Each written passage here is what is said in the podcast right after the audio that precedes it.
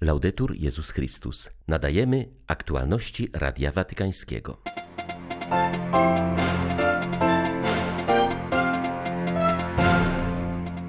Franciszek jest dziś jednym z największych obrońców interesów ludzi potrzebujących, powiedział Filippo Grandi, wysoki komisarz ONZ do spraw uchodźców, który wczoraj spotkał się z papieżem. XIII-wiecznym opactwie cysterców w Kazamari miała dziś miejsce beatyfikacja sześciu zakonników zamordowanych w czasach rewolucji francuskiej w tym właśnie miejscu. W Rzymie w anglikańskim kościele pod wezwaniem wszystkich świętych arcybiskup Paul Gallagher uczestniczył w nabożeństwie za duszę zmarłego księcia Filipa, którego uroczystości pogrzebowe odbywają się dziś na zamku w Windsorze.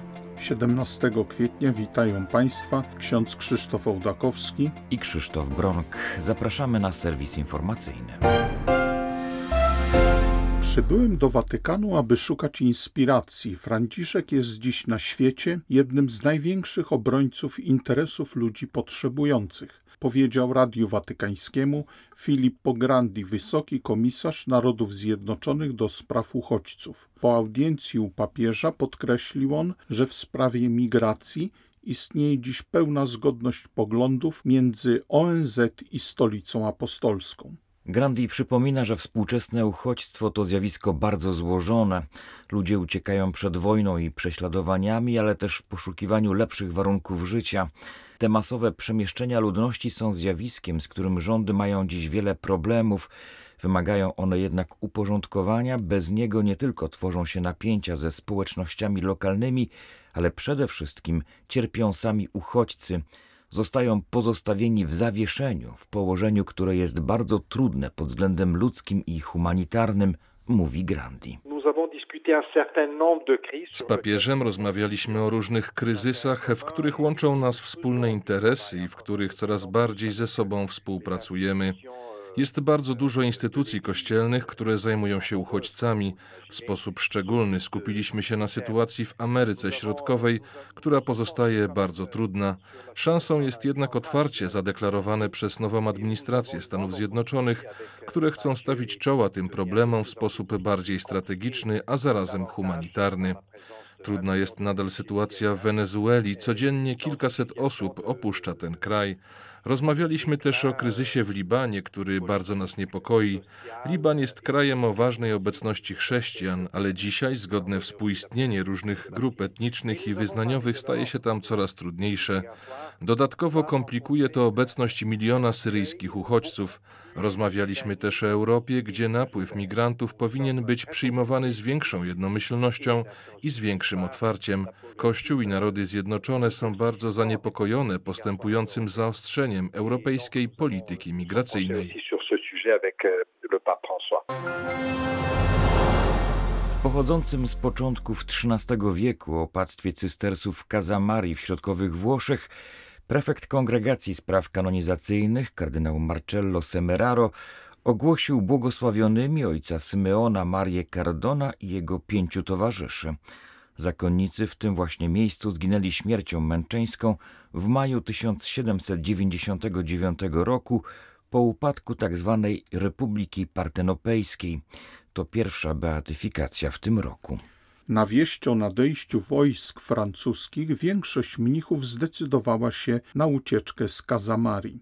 Pozostało siedmiu cystersów, świadomych ryzyka, na jakie się narażają. Zwłaszcza, że jeden z nich był dezerterem z francuskiej armii, a inny obywatelem cesarstwa austriackiego, a więc zagorzałego wroga republiki. Obawy mnichów okazały się uzasadnione. Żołdacy splądrowali klasztor i choć przeor dał im jeść i pić, to nie powstrzymało ich przed brutalnym morderstwem. W homilii kardynał Semeraro podkreślił, że choć jest to męczeństwo odległe w czasie, to jednak wciąż aktualne. Przypomniał, że zamordowani cystersi byli zwykłymi ludźmi, a nie herosami z komiksów. Żyjemy w społeczeństwie, które ma obsesję na punkcie poszukiwania bezpieczeństwa. Niestety w życiu nie unikniemy cierpienia i walki. Nie ma też czegoś takiego jak łatwe chrześcijaństwo. Nikt nie wytrwa w wierze bez walki duchowej, jednak Bóg nas nigdy nie opuszcza, nawet w godzinie cierpienia i śmierci. Tego uczą nas dzisiejsi beatyfikowani, powiedział kardynał Semeraro. Cały świat jednoczy się duchowo z brytyjską rodziną królewską w dniu pogrzebu księcia Edynburga Filipa. Również w Rzymie, w anglikańskim kościele, pod wezwaniem wszystkich świętych, polecano Bogu zmarłego małżonka Elżbiety II. Kazanie podczas nabożeństwa wygłosił arcybiskup Paul Gallagher, odpowiedzialny za relacje z państwami w watykańskim sekretariacie stanu. Zwrócił uwagę, że największy wkład księcia Filipa w życie i dobrobyt Wielkiej Brytanii oraz wspólnoty narodów polegał na tym, że był on siłą i ostoją królowej przez 73 lata ich małżeństwa i 69 lat jej panowania, które rozpoczęło się w 1952 roku, kiedy Elżbieta miała 26 lat. Szef watykańskiej dyplomacji zaznaczył, że od tego momentu aż do swojej śmierci Filip był zawsze obecny, kilka kroków z tyłu, trochę w cieniu. Pomagał prowadzić monarchię oraz rodzinę królewską przez dziesięciolecia zmian i wyzwań. Kaznodzieja zauważył, że kariera zmarłego w marynarce wojennej była wybitna. Pozostał bliski wszystkim rodzajom brytyjskich sił zbrojnych i zawsze je wspierał. Był ponadto patronem ponad 800 organizacji charytatywnych. Pewnie po części z powodu swojej osobistej historii książę szczerze zainteresował się dobrem młodych ludzi i ich potrzebą dorastania w poszukiwaniu pozytywnych doświadczeń i zdobywania osiągnięć. W tym celu ustanowił program nagród księcia Edynburga, z którego skorzystało tysiące ludzi i który okazał się cennym narzędziem w procesie dojrzewania wielu młodych mężczyzn i kobiet. Stowarzyszenie Siloe, które od 12 lat angażuje się we wspieranie chorych i ich rodzin, przekazało 50 dawek szczepionki na koronawirusa Urzędowi Dobroczynności Apostolskiej. Dzięki temu kolejni bezdomni i chorzy, korzystający z ambulatorium Matki Miłosierdzia, które mieści się na placu Świętego Piotra, otrzymają lek przeciw COVID-19. Darowizna stanowi część inicjatywy nazywanej Szczepionka Zawieszona. To nazwa pochodząca od włoskiego cafe sospeso, czyli ten, kto kupuje w barze kawę, płaci trochę więcej, żeby ubogi, który po nim przyjdzie, mógł ją otrzymać za darmo. Do tej inicjatywy można dołączyć wchodząc na stronę internetową elemozineria.va. Za przekazane środki zostaną zakupione kolejne dawki szczepionki. Te podarowane przez Stowarzyszenie Siloe zostały przekazane Solidarnej Medycynie, która prowadzi przychodnie Matki Miłosierdzia na placu Świętego Piotra. Szczepionki zostaną wykorzystane do uodpornienia osób bezdomnych i chorych na raka, objętych pomocą tej instytucji. Z okazji obchodzonego dziś 11 Światowego Dnia Cyrku, prefekt dykasterii do spraw integralnego rozwoju człowieka skierował przesłanie do artystów cyrkowych. Wyraził w nim nadzieję na to, że cyrki wkrótce wznowią swoją działalność, a rządy państw będą je wspierać, aby jakość występów nie uległa pogorszeniu. Kardynał Peter Tarkson wezwał artystów cyrkowych wszystkich szerokości geograficznych, aby, gdy to tylko stanie się możliwe, znowu wnosili radość w życie ludzi cierpiących z powodu pandemii. Niestety utrzymywanie się sytuacji kryzysowej i środki zastosowane przeciwko zgromadzeniom zagroziły samemu istnieniu branży cyrkowej na świecie i jej przedsiębiorstwom, często rodzinnym, które musiały się zadłużyć, aby przetrwać i zachować nadzieję, że przyjdą lepsze czasy, zauważył Purpurat. Do Bazyliki Świętego Piotra wraca codzienny różaniec odmawiany przez kardynała Angelo Comastriego. W południe od poniedziałku do soboty można włączyć się we wspólną modlitwę poprzez watykańskie media. Transmisja dostępna jest za pośrednictwem włoskiej sekcji Radia Watykańskiego i portalu Vatican News. Pierwsza taka modlitwa miała miejsce 11 marca 2020 roku jako propozycja dla wszystkich, którzy poszukiwali duchowego pocieszenia w czasie pandemii.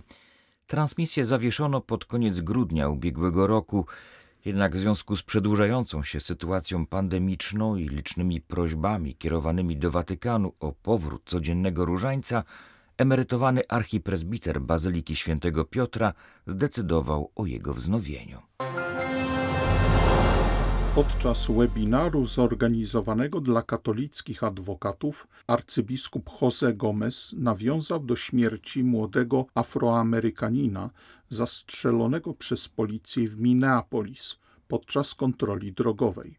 Przewodniczący amerykańskiego episkopatu nie skomentował działań funkcjonariuszy, przypomniał jednak, że życie każdego człowieka jest cenne i należy je chronić. Prawnicy są zobowiązani do promowania nauczania Kościoła na temat sprawiedliwości społecznej i godności osoby ludzkiej. Arcybiskup Jose Gomez podkreślił, że katolicy powinni być liderami w walce z wirusem rasizmu. Przez nasz przykład musimy pomóc społeczeństwu zrozumieć, że wszyscy jesteśmy braćmi i siostrami, dodał przewodniczący amerykańskiego episkopatu. Rasizm, jak wszyscy wiemy, jest ciężkim grzechem, duchową chorobą i niesprawiedliwością społeczną. Musimy stanąć razem jako jeden Kościół, aby wykorzenić to zło z naszych własnych serc, z serc naszych sąsiadów i ze struktur naszego społeczeństwa. Cały naród modli się za Kościół w Minnesocie. Katolicy są wezwani do przypominania wszystkim Amerykanom o godności każdej osoby i o tym, że każdy ma wartość i cel, który wykracza poza ten świat. Najbardziej podstawowym celem rządu oraz polityki jest z kolei ochrona świętości i godności osoby od momentu poczęcia aż do wydania przez nią ostatniego oddechu. Tragedią zakończyła się przeprawa afrykańskich migrantów usiłujących przedostać się drogą morską z Tunezji do Włoch. Łódź, którą zmierzali na wyspę Lampedusę, zatonęła już u tunezyjskich wybrzeży. Przeżyły zaledwie trzy osoby. Szacuje się, że zginęło co najmniej 21 osób, tyle bowiem ciał wyłowiono z morza. Do tragedii doszło w nocy z czwartku na piątek. Agencja Narodów Zjednoczonych do spraw uchodźców oraz Międzynarodowa Organizacja do spraw migracji zapewniają w wydanym komunikacie, że uczyniono wszystko, aby pomóc rozbitkom. Apeluje się jednak o wzmożenie działań ratowniczych na Morzu Śródziemnym, w którym od początku roku utonęło już 290 osób. Istnieją obawy, że w najbliższych tygodniach ruch migracyjny jeszcze bardziej przybierze na sile. Tymczasem z samej tylko Tunezji w tym roku odpłynęło trzy razy więcej osób niż przed rokiem. Biskup diecezji witebskiej na Białorusi Oleg Budkiewicz został wybrany przewodniczącym konferencji katolickich biskupów Białorusi. Hierarcha zastąpi na tym stanowisku arcybiskupa Tadeusza Kondrusiewicza, który na początku tego roku wraz z osiągnięciem wieku emerytalnego ustąpił z urzędu. Biskup Oleg Budkiewicz urodził się 18 marca 1972 roku w rejonie brasławskim. Po maturze studiował na Państwowym Uniwersytecie Techniczno-Rolniczym, gdzie uzyskał tytuł magistra inżynierii mechanicznej. Następnie podjął studia w Wyższym Seminarium Duchownym w Grodnie. Od 2003 roku był proboszczem parafii świętego Antoniego Padewskiego i dziekanem dekanatu Witebsk Północny. 29 listopada 2013 roku papież Franciszek mianował go biskupem diecezjalnym Witebska. Biskup Budkiewicz jest drugim ordynariuszem diecezji witebskiej, która powstała w 1999 roku. Pierwszym pasterzem był biskup Władysław Blin, który tworzył diecezję od podstaw, organizując życie parafialne i budując nowe świątynie i budynki sakralne. Dla Radia Watykańskiego z Białorusi ksiądz Jerzy Martinowicz. Były to aktualności Radia Watykańskiego. Laudetur Jezus Chrystus.